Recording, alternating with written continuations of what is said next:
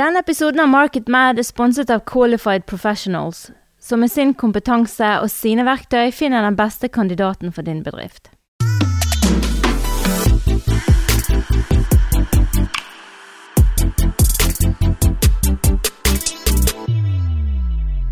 Velkommen til Market Mad Gjøri Horverak. Du er min gjest i dag, og mitt navn er Ina Stølen. Til daglig jobber jeg i Brandity, og du, Gjøri, jobber som klinisk og organisasjonspsykolog i Sens PKT.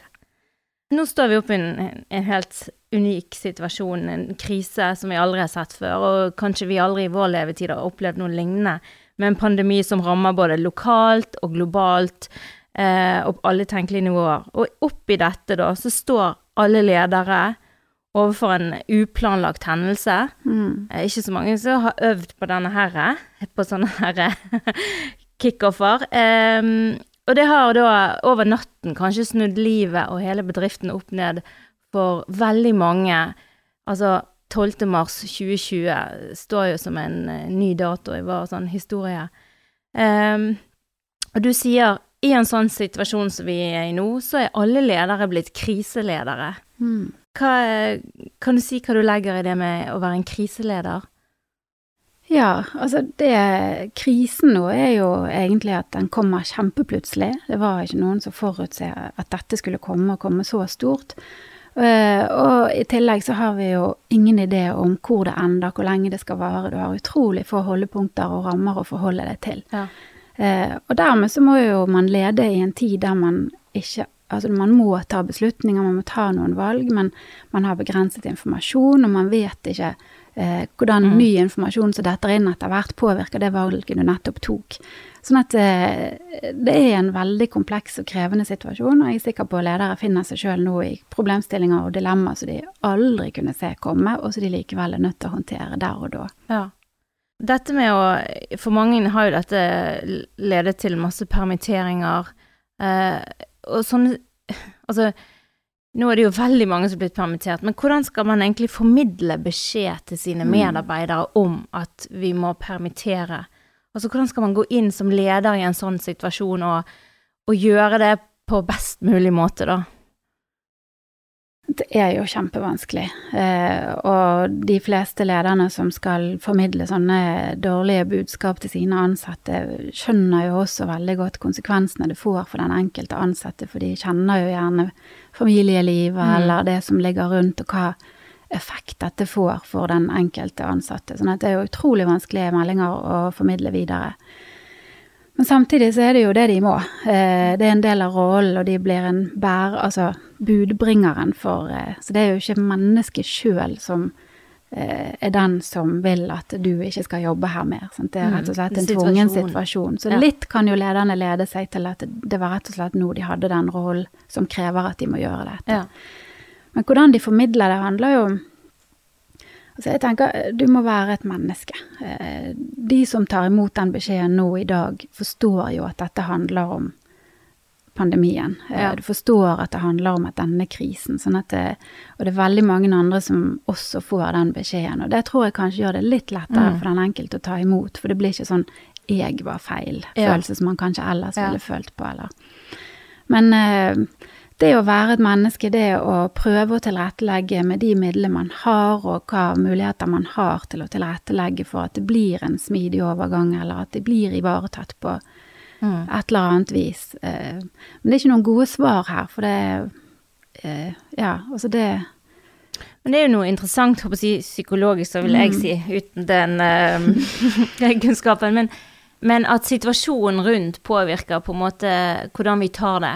Mm. Så du sier uh, dette er ikke en unik opplevelse for en unik bedrift. Dette er liksom en fellesskapsproblematikk som gjør at ikke at det formilder omstendighetene, men det blir kanskje lettere å akseptere eh, situasjonen. Mm. Altså, er, er, vi skrudd sammen sånn?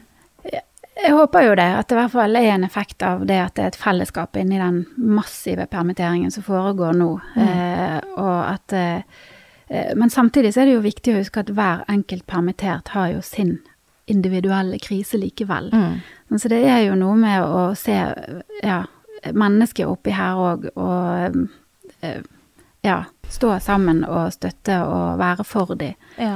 Eh, men forhåpentligvis for den som mottar denne dårlige beskjeden, og for den som gir den, så er det mange samtidig. At det er et fellesskap som kanskje Mm. gjør det litt lettere å akseptere, som du sier. Ja. Mm. Men hvordan kan man ivareta sine medarbeidere, da? Hva tenker du at en leder må, må si eller vise? Kanskje mye Mm. handler om å, å ta en rolle, ikke alt som blir sagt, men gå frem som et eksempel, eller hva gjør man for å ivareta de rundt seg? Ja, der òg er det jo litt sånn Vi trenger litt forskjellige ting Mm. eh, som gir oss følelsen av at vi blir ivaretatt. Ja. Sånn, så noen vil kanskje bare ha alt de kan av informasjon, så de kan lene seg til det at de trenger å føle trygghet i hva de vet, og hva som viser seg. Sånn. Mm. Noen trenger den gode klemmen, som også er problematisk, for den kan vi jo ikke gi akkurat nå. ja. Eh, sånn at det der å kanskje aller viktigst, sånn hva trenger du i denne, hva er viktig for deg akkurat nå, hva, Mm. kan, hva kan du bruke meg til, eh, hvordan kan jeg hjelpe deg? At det er litt sånne spørsmål som kanskje kunne vært ok, og, for du må få tak i den enkelte, for vi har ulike preferanser i sånne situasjoner òg. ja. Eh, Og noen sier veldig lite, eh, trenger å sortere for seg sjøl før de kommer ut med hva de trenger. Mm. Noen er veldig eksplisitte. Så du må på en måte leite frem Mm. det som er der, og at det er en kunnskap og ferdigheter som kanskje lederne må være veldig på nå. ja. Eh, ja. Men jeg tenker jo i store organisasjoner så er det gjerne Mm. ikke sånn at eh, det er mye mellomledere og, og teams og sånne ting, men, men det er gjerne ikke sånn at eh, toppleder når ned på sånn hva har den enkelte behov for her og nå. Så de må gjerne ha en plan for alle disse typer menneskene, da. Mm. Både liksom informasjon for de som vil ha masse informasjon hele tiden, og kjærlighet for de som trenger en Ja, og lederne står jo også oppe i veldig, veldig mange andre komplekse problemstillinger, så det er jo ikke alt de har kapasitet til heller. For Nei. dette krever jo en ro og at man setter seg ned. Sant? Til, Ja. til små bedrifter kanskje mye lettere enn i de store konsernene som også står oppe i denne krisen. Men det er jo viktig at eh, man opp, altså oppfordrer til fellesskap blant de som blir permittert, altså kollegene som er ved siden av hverandre. Ja. Eh, Kan de lage noen grupper, eller finne noen måter der de kan hjelpe hverandre og støtte hverandre Ja. på forskjellig vis? Sånn at ikke lederne får alt ansvar i denne krisen her Mm. For det, det er en veldig, veldig kompleks og vanskelig rolle å være leder nå. ja. Ja. De har jo eh, litt å tenke på, ja. Mm. Mm. ja. Um, men hvis vi snur litt på det, da. Hva er det dummeste man kan gjøre da, som leder i en sånn situasjon? Hva tror- er som å helle bensin på bålet? For å si det sånn. Uh, jeg tror eh, Det er sikkert flere ting, men jeg tror jo kanskje det dummeste er at de uteblir. Eh, hvis de bare trekker seg tilbake, eller eh, ikke altså blir usynlige. Det tror jeg kan skape masse ekstra utrygghet, eh, som er unødvendig, kanskje. Eh, det å ikke gi informasjon, eh, altså det å ikke ha noe ny informasjon, er også en kjempeviktig informasjon for de som higer etter å få noen Mm. holdepunkter. Sånn. Mm.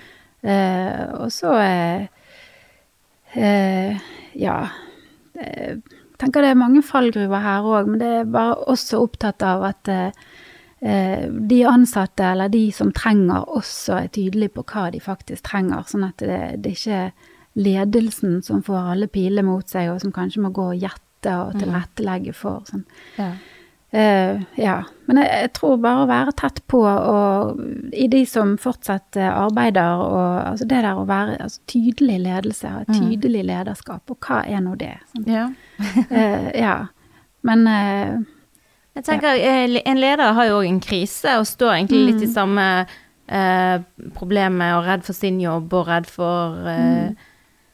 eh, ja, ansvaret som tynger, sant. Mm. Og um, skal en leder dele sine problemer med sine medarbeidere, eller skal de prøve å holde ryggen rak og smile på?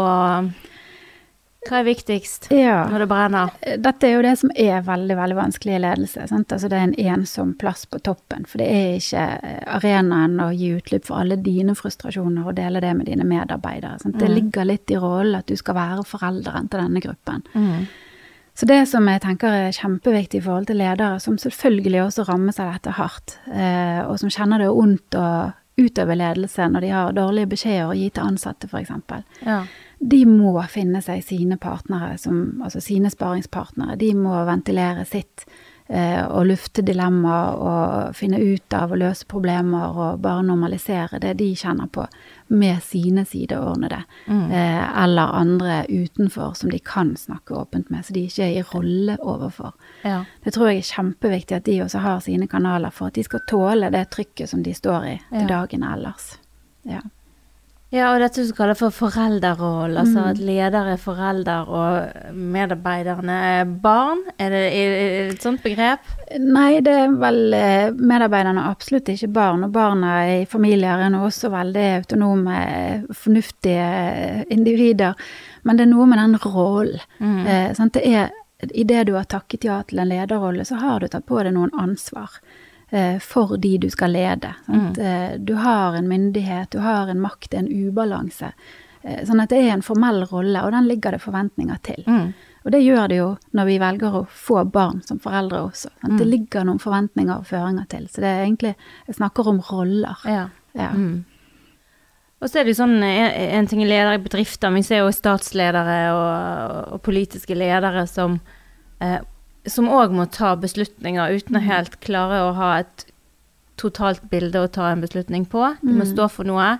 Håpe at dette er en god beslutning, og så få med seg sånn som denne dugnaden vi er inne i nå. Alle, alle gjør så godt de kan fordi at vi har fått beskjed om at dette er beste medisin. Mm. Og så må vi tro på det, sant? Mm. Eh, tror vi mer på det? Altså, vi er villige til å stå mer i den dugnaden hvis lederen er veldig tydelig på retningen som gis? Ja, jeg tror eh, det lederne tjener på nå, det er at de gir masse informasjon, de er veldig synlige, eh, Mhm. de forklarer hvorfor de har tatt de valgene de har tatt. Eh, setter det i en kontekst og gir mening til de som de, altså til følgende. Ja. Eh, og det og, og gi de, altså vi som følgere må jo også eh, skjønne at de ikke har beslutningsgrunnlaget, altså det som er tilstrekkelig. Mm. De må ta beslutninger, og det er de tvunget til. Vi må ta grep, og vi har ikke informasjon som vi ville hatt. Mm. Eh, altså Vi føler oss ikke trygge på informasjon. Det kan endre seg i morgen, og det har vi jo sett i denne pandemien. Det endrer seg jo, det kommer jo nye ting Ja. fra dag til dag til dag. som gjør at- Ja. Og det må jo vi også respektere. Og, altså det er en del jeg tenker er viktig for oss å huske på, at den rollen er utrolig krevende å ha. Mm. Uh, og at vi må gi det litt slekt til at det er kanskje ikke alle beslutningene som tas i krisetider som uh, holder vannet alltid, eller står like stødig når man først etterpå begynner å plukke det fra hverandre. Ja. Uh, men de har likevel utøvd ledelse. Ja. Og, ja. Jeg hørte lederen ved et av sykehusene på Østlandet for akuttmedisinsk akutt medisinsk avdeling, og han de står i kriser hele tiden. Mm. Altså, de lever i en sånn eh, Her må vi ta beslutninger på det vi har, Mm. fortløpende. Og han sa at de gikk etter et Pareto-prinsipp på 80-20. Så vi går 80% er godt nok for oss for å ta en Mm. beslutning. Så får vi heller håpe at det var den beste beslutningen. Men vi vet ikke mer, og derfor er Og vi må bestemme oss her og nå. Ehm, kan det være greit å ha noen sånne knagger, eller er det, gjelder ikke det for oss sånn vanlige folk i vanlige lederjobber? Jeg tenker jo generelt at vi bør være litt flinkere til å ha litt sånn 80-20 knagger. For Mhm. jeg tror vi går mange omveier ved at vi skal gjøre ting perfekt, eller ha den perfekte grunnlaget til å ta beslutninger. Jeg vet ikke altså, hvem definerer perfekt. Mm. Og det må skje ting. Sant? Vi må holde hjulet i gang. Ja. Så det å vente på informasjon, da er det andre ting som slår inn, som har enda større konsekvenser. Ja. Så det er alltid sånn Man vet ikke helt. Går man til høyre, så er det det som er risikoen. Går man til venstre, så er det det som er risikoen. Og hva som er best. Dette er jo kjempevanskelige dilemmaer som kriseledere står oppi. Ja. Så ja. Men eh, eh, altså fordi vi må jo roe det tankekjøret, da. Mm. sant? Ved å stå der i det veikrysset og tenke 'søren, skal vi ta høyre eller venstre?' sant? Mm. Eh, hjelper det å Altså, er det beroligende å si at man har prinsipper å jobbe etter? Vi går for 80-20, eller altså For å For ikke hele tiden være sånn på, på nåler. Ja, det kommer sånn. jo litt an på hvor de 80-20-reglene er, da. Om Ja. det er på akutt, eh, eller om det er på noe sånn type administrativt. Ja. Eh? Det er jo noe med risiko inni der òg. Men eh, jeg tror uansett eh, det å formidle at dette har vært et stort dilemma. Eh, sånn at du forklarer også hva har vært eh, det vanskelige valget her, og hvorfor har de landet på det. Ja. Eh, For det gir folk mening, og folk skjønner da at det faktisk er ganske vanskelige beslutninger. Og kanskje det senker terskel for å klage på de etterpå. Mm. Eh, Så transparens, ydmykhet. Ja. Eh, si at man ikke er sikker. Er det greit? Ja, det tenker jeg er veldig redelig, for man er ikke sikker. Ja. Eh, Det er verre å si at eh, vi vet at dette er det beste til Altså, Mm. eh, når folk skjønner at det, det kan du jo ikke vite. Mm.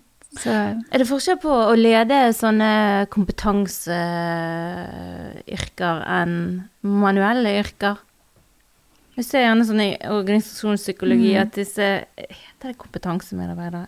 ja. De liker å styre sjøl. Vil ikke Ja. ha så mye beskjeder. Så nå skal de både holde seg hjemme og ikke reise på hytten, og det er ikke bra. Her blir de utfordret Nei, utfordret de på ble utfordret på mange ting, og det tenker jeg egentlig er kjempegod læring i. Ja. Og jeg tror de helt grunnleggende prinsippene for mennesker, uansett hvor du jobber, det handler jo om tilhørighet, det handler om trygghet, det handler om eh, å få brukt seg sjøl, eller å få eh, ja, eh, levd et eh, Mm. trygt og godt eh, hverdagsliv. Sant? Sånn at eh, Men jeg tror jo det er ganske mange som ser seg selv, eller møter seg sjøl i døren her, sant? med at de har mistet de der vanlige dagligdagse eh, håndtakene de holdt i på Ja. jobben. Sant? Så må de begynne å tenke nytt, eller så må de finne nye løsninger når de står på utrygg grunn. Sant? Og Mm. det tror jeg kanskje ikke er så dumt, så lenge det ikke er sånn kjempealvorlig. Vi trenger jo å rykkes litt i, og det tror jeg alle har kjent på nå. Ja, for det sies jo litt sånn at i motgang og krise så ser vi hva vi egentlig er laget av, Mm. sant? Um, og noen takler det gjerne bedre. Noen syns kanskje det er spennende. Eh, spennende var gjerne eh, Jeg mener ikke det flåsete, Mm. altså, men, eh, men eh, kan vi tenke positive konsekvenser av en sånn situasjon? Er det noe Ut av asken. Det må jo Ja. komme en uh, fugl føniks, tenker jeg, overalt. Ja.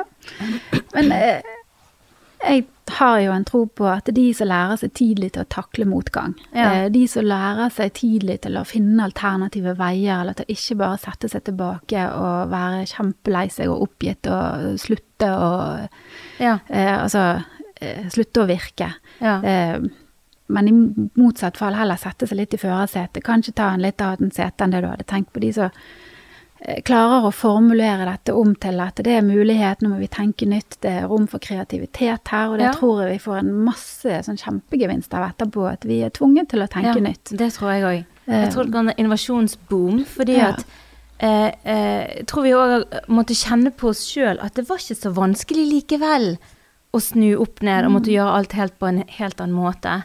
Ja. Eh, at vi har på en måte flyttet på noen grenser for å si nei, det der tror jeg ingenting på. Mm. Den grensen tror jeg er blitt flyttet på. Ja. Og sånn vi alltid har gjort det før, det funker jo ikke lenger. Nei. Eh, Vi har ikke før Nei. akkurat nå. Eh, Og det er veldig mange eh, altså, ute i organisasjoner som tenker vi får alt i verden ikke få til, altså ha en konflikt. Men det der redsel for konflikter er jo eh, Jeg tenker at man må ha konflikt. Man må ha eh, knyttenever som butter litt sammen for at man skal komme i en posisjon til å tenke nytt, eller finne nye løsninger, Ja. eller komme ut av ting. Det, konflikt skaper bevegelse, og det har vi det er en gevinst av dette, tenker jeg, selv om i all elendigheten og krisen som foregår. Ja. Men jeg tror jo, sånn som vi nordmenn har jo Vi lever jo på liksom eh, Kanskje et av de beste stedene kloden akkurat nå, både i forhold til eh, grad av epidemispredning, helsevesen og ikke minst finansielle muskler. Eh, men vi har jo sjelden gått rundt i hundretusenvis og tenkt kanskje jeg mister jobben min. Eh, sant? Og eh, i den eh, situasjonen der det faktisk er reelt for mange, så kan det være at vi blir flinkere til å tørre å gjøre nye ting og prøve nye ting. Eh, hvis man sammenligner med andre land der innovasjonsgraden er større fordi at det er mindre sikkerhetsnett, og det er mindre trygghet, og det er mindre 14 dagers påskeferie og alt dette her. Mm. At, at den driven nå plutselig våkner liksom i, Ja. i den norske folkesjela. Jo, men det tror jeg er kjempeviktig. Altså, vi vet ikke hvor lenge det varer. Mm. Og dermed så vet vi heller ikke når vi kan få den hjelpen som Ja. eh, myndighetene nå kanskje sier at de skal strekke ut til Ja. eh, oss. Sant? Der, altså, når man ikke vet, da må man jo sørge for seg sjøl. Ja. Så jeg tror jo at det er ganske mange pumper som går rundt her nå og ja, hva kan vi finne på? Mm. Og jeg tror ikke det er bare dumt. Og så tenker jeg uansett i kriser at det å holde seg aktiv, det å finne prosjekter, det å Mm. følge en retning, ta noen valg så du bare Sånn at du er på, Ja. istedenfor å sette seg i baksetet. For jeg tror baksetet er en kjip plass å være, og du blir fort sittende der hvis du har vært der litt lenge. Ja. Så det å holde seg rett og slett aktiv og på, holde motoren i gang, selv om man ikke helt vet hva vei man fører til. Snakker du nå om jobb? Jeg snakker om egentlig hvordan man dealer med problemstillinger. Altså nå har man alle har fått et stort lass i fanget, så vi bare må plukke steinene vekk fra Ja. etter én. Det å fortsette å holde de steinene og kanskje oppdage noe nytt på veien, Mm. det er denne mentale innstillingen til å løse Altså finne problemløsning heller Ja. enn å gruble over bekymringer. Over problemet, ja. Ja. Mm. Mm. Så både i organisasjoner sett under ett, men eh, også i forhold til enkeltmennesket. Ja.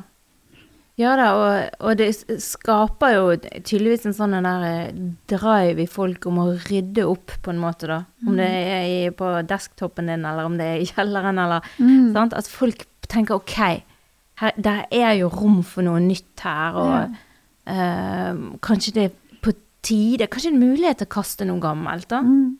Uh, og da mener ikke jeg ting i kjelleren. Jeg tenker på måter vi har jobbet på. uh, ting vi har trodd skulle vi bruke bruk for i fremtiden. Mm. Altså at vi får et helt nytt perspektiv på det, da. Ja. Og det tror jeg er sunt. Og så tror jeg òg det er viktig at eh, nå er det veldig mye i forhold til denne pandemien vi ikke kan gjøre noe som helst med. Mm. Eh, Ting må bare gå sin gang. Mm. Eh, så det å klare å glede seg over det du kan gjøre noe med, ta fatt i de tingene du kan ta kontroll over, det er òg en form til å holde seg aktiv. Sant? Og jeg tror jo mange oppdager kanskje familieliv litt på godt og vondt, kanskje Mm. nå når det blir eh, tett i husene Ja. ettersom denne varer. Eh, men at man kanskje får tid til å glede seg over litt andre ting som man ellers eh, Mm. ignorerer i hverdagen. Så man må finne knaggene til å holde det hjulet i gang. Ja. Apropos disse små eh, barna, og mange sitter på hjemmekontor og prøver å i hvert fall fra liksom beltet opp, se ut som du er på jobb, da. Det kom noen nye begreper her i går, leste jeg. Det var home office wear Ja. istedenfor homeware. Eh, så det er jo selvfølgelig muligheter for mange bransjer her å eh, omfavne dette. Men, men i disse her eh, provisoriske kontorene på spisebord og det ser jeg, så er det jo små ører som er hjemme på hjemmeskole, og både små barn og ungdom og, og, og eldre barn. Eh, jeg tenker det, Av og til slår det meg. Eh, hva er de eksponert for i alle disse videokonversasjonene som vi har? Telefonsamtaler. Eh, det er gjerne et høyt temperament. Det er gjerne abstrakt. Eh, Alle man møter på, eller alle man ringer, om du så har videomøte med familie, så er det jo et tema. Og eh, hva kan vi Vi må jo verne litt om disse her små medarbeiderne òg, da. De nye kollegene på hjemmekontoret. Hva tenker du om Ja, ja, jeg tror ikke det er noe enkelt liv for de heller. Og det er jo ingen som har bedt om å være inne hele tiden. Eh, og ha foreldrene som hjemmeskolelærere og eh, Ja. Eh, så jeg tror jo det er viktig å ha øyne og ører åpne for hva reaksjoner eh, Hva gjør det med alle som er i dette huset? Hvordan kan vi finne måter å sånn, fordele tid på, fordele eh, rommene på, fordele Altså liksom skape forståelse for alle kroppene. Ikke bare for foreldrene sine behov for at de skal levere noe på jobb, eller de må, at ungene må vente. Og, Ja. Men de må faktisk få lov til å få sitt rom også, og eh, opplevelsen av at de teller på lik linje med alle de andre menneskene i huset. Ja. Eh, ja. Og det er jo liksom hva er modenhet, og hva er behovene deres, og det er jo veldig forskjellig òg. For nå sitter jo folk med eh, kanskje 30-åringer hjemme som studerer i utlandet, Ja. sammen med ettåringer som eh, Eller spedbarn. Altså det er jo en Ja. god miks av eh, både voksne og barn i samme små leiligheter Ja. rundt omkring. Så eh, dette er jo òg en litt sånn problemløsning. Bli veldig godt kjent med behov og prøve å finne spilleregler som faktisk passer for alle. ja. Uh, ja, Og gi rom for at folk blir frustrerte. For jeg, jeg tror ingen har behov som går i synk med hverandre. Mm. Og det er jo en utfordring. sant? Alle blir alltid forstyrret en eller annen gang. Ja. For ofte. For mye. ja. eh, alle mangler et eller annet. Alle Ja. trenger et eller annet. Så det å gi plass til de tingene Så jeg tror igjen så må det jo snakke om hva trenger vi, og få tingene opp på bordet. Hvordan rydder vi? Eh, Mm. ta frem en kalender med time for time nesten, og fordel hvem sin tur til å ha tid. Ja. ja. Hva er familie, hva er alenetid, hva er Jeg tror det kan være lurt å rigge til seg litt sånne ting òg. Ja, for det er kanskje litt uh, lett for å tenke at vi har et hierarki, og hvem er viktigst mm. i disse her eh, I hvert fall sånn et sted mellom åtte og fire, sant? Mm. Um, men du sier at her må alle få, få plass, da. Mm. At selv den uh, seksåringen må få liksom på linje med denne lederen sitter og permitterer folk på video. Satt Ja. på spissen. Ja, nei, men jeg tror jo at hvis seksåringen ikke får, så, eh, og bare føler at de må vente, vente, eller sitte til side, eller vente litt Ja. til, eller eh, ta det etterpå, så får du mer av den seksåringen enn du kanskje hadde fått hvis den ble tatt på alvor og fikk sin dedikerte tid. Ja. Eh, og det tror jeg er lurt å snakke om og få i kalenderen, for det, du får jo mer aksept for venting hvis du vet at om tre timer så er det bare meg, Ja. eh, for eksempel. ja. Eh, Det hørtes fint ut. Ja. Ja. Men eh, hva tror du da etter dette? Blir det flere skilsmisser? Blir det flere sånne ting? Det er altså, kjølvannet av liksom, at folk skal sitte hjemme nå i ukevis og gnage på en dårlig internettlinje og Ja, jeg tror det kan bli veldig mye bra i familien ut av dette her, og så tror jeg det kan bli ganske konfliktfylt ut av dette her også. Eh, og det er jo klart i debattene som går nå, det er mange barn som ikke har det så bra hjemme, som er stuck med eh, det familielivet. Det er enkeltpersoner som har noen lidelser eller noen behov, som Ja. også sitter der og får andre for tett på seg, eller Sånn at eh, jeg tror egentlig òg tiden etter når det løses opp igjen, så må man vie tid til reparasjon, eller Altså, jeg tror det er en fase også man må igjennom og kanskje sette noen ord på for at man skal hente dagliglivet tilbake igjen Mm. òg. Ja. Eh, Både i hjemmene og på arbeidsplassen. ja. Jeg tror det er lurt sånn, hva har dette gjort med oss, og hvor er vi nå, og hva trenger vi for at vi kan få en smidig overgang videre igjen. ja. Ja. Ja. Så det handler jo egentlig om å snakke sammen, alt Ja. sammen. Ja, jeg hører det. Det Lytte til behovene til folk og få. Gi de plass, og respondere på de. Ja, tørre å være ærlig og si, og, og hvis ikke man får det på et sølvfat, så må man kanskje, i hvert fall de voksenrollene, eh, bli flink til å lytte og grave frem og eh, akseptere og eh, ja. Ja. Det er spennende. Vi vet ikke hvor, dette, hvor, hvor det ender, men eh, vi er vel enige om at det kan være det kommer noe mye bra ut av dette òg. ja. Ja. Det må det. Det må det. Tusen takk for praten. Takk for at jeg fikk komme. Takk for at du hørte på denne episoden av Market Mad. For å holde deg oppdatert på kommende episoder, husk å abonnere på podkasten i din podkast-app.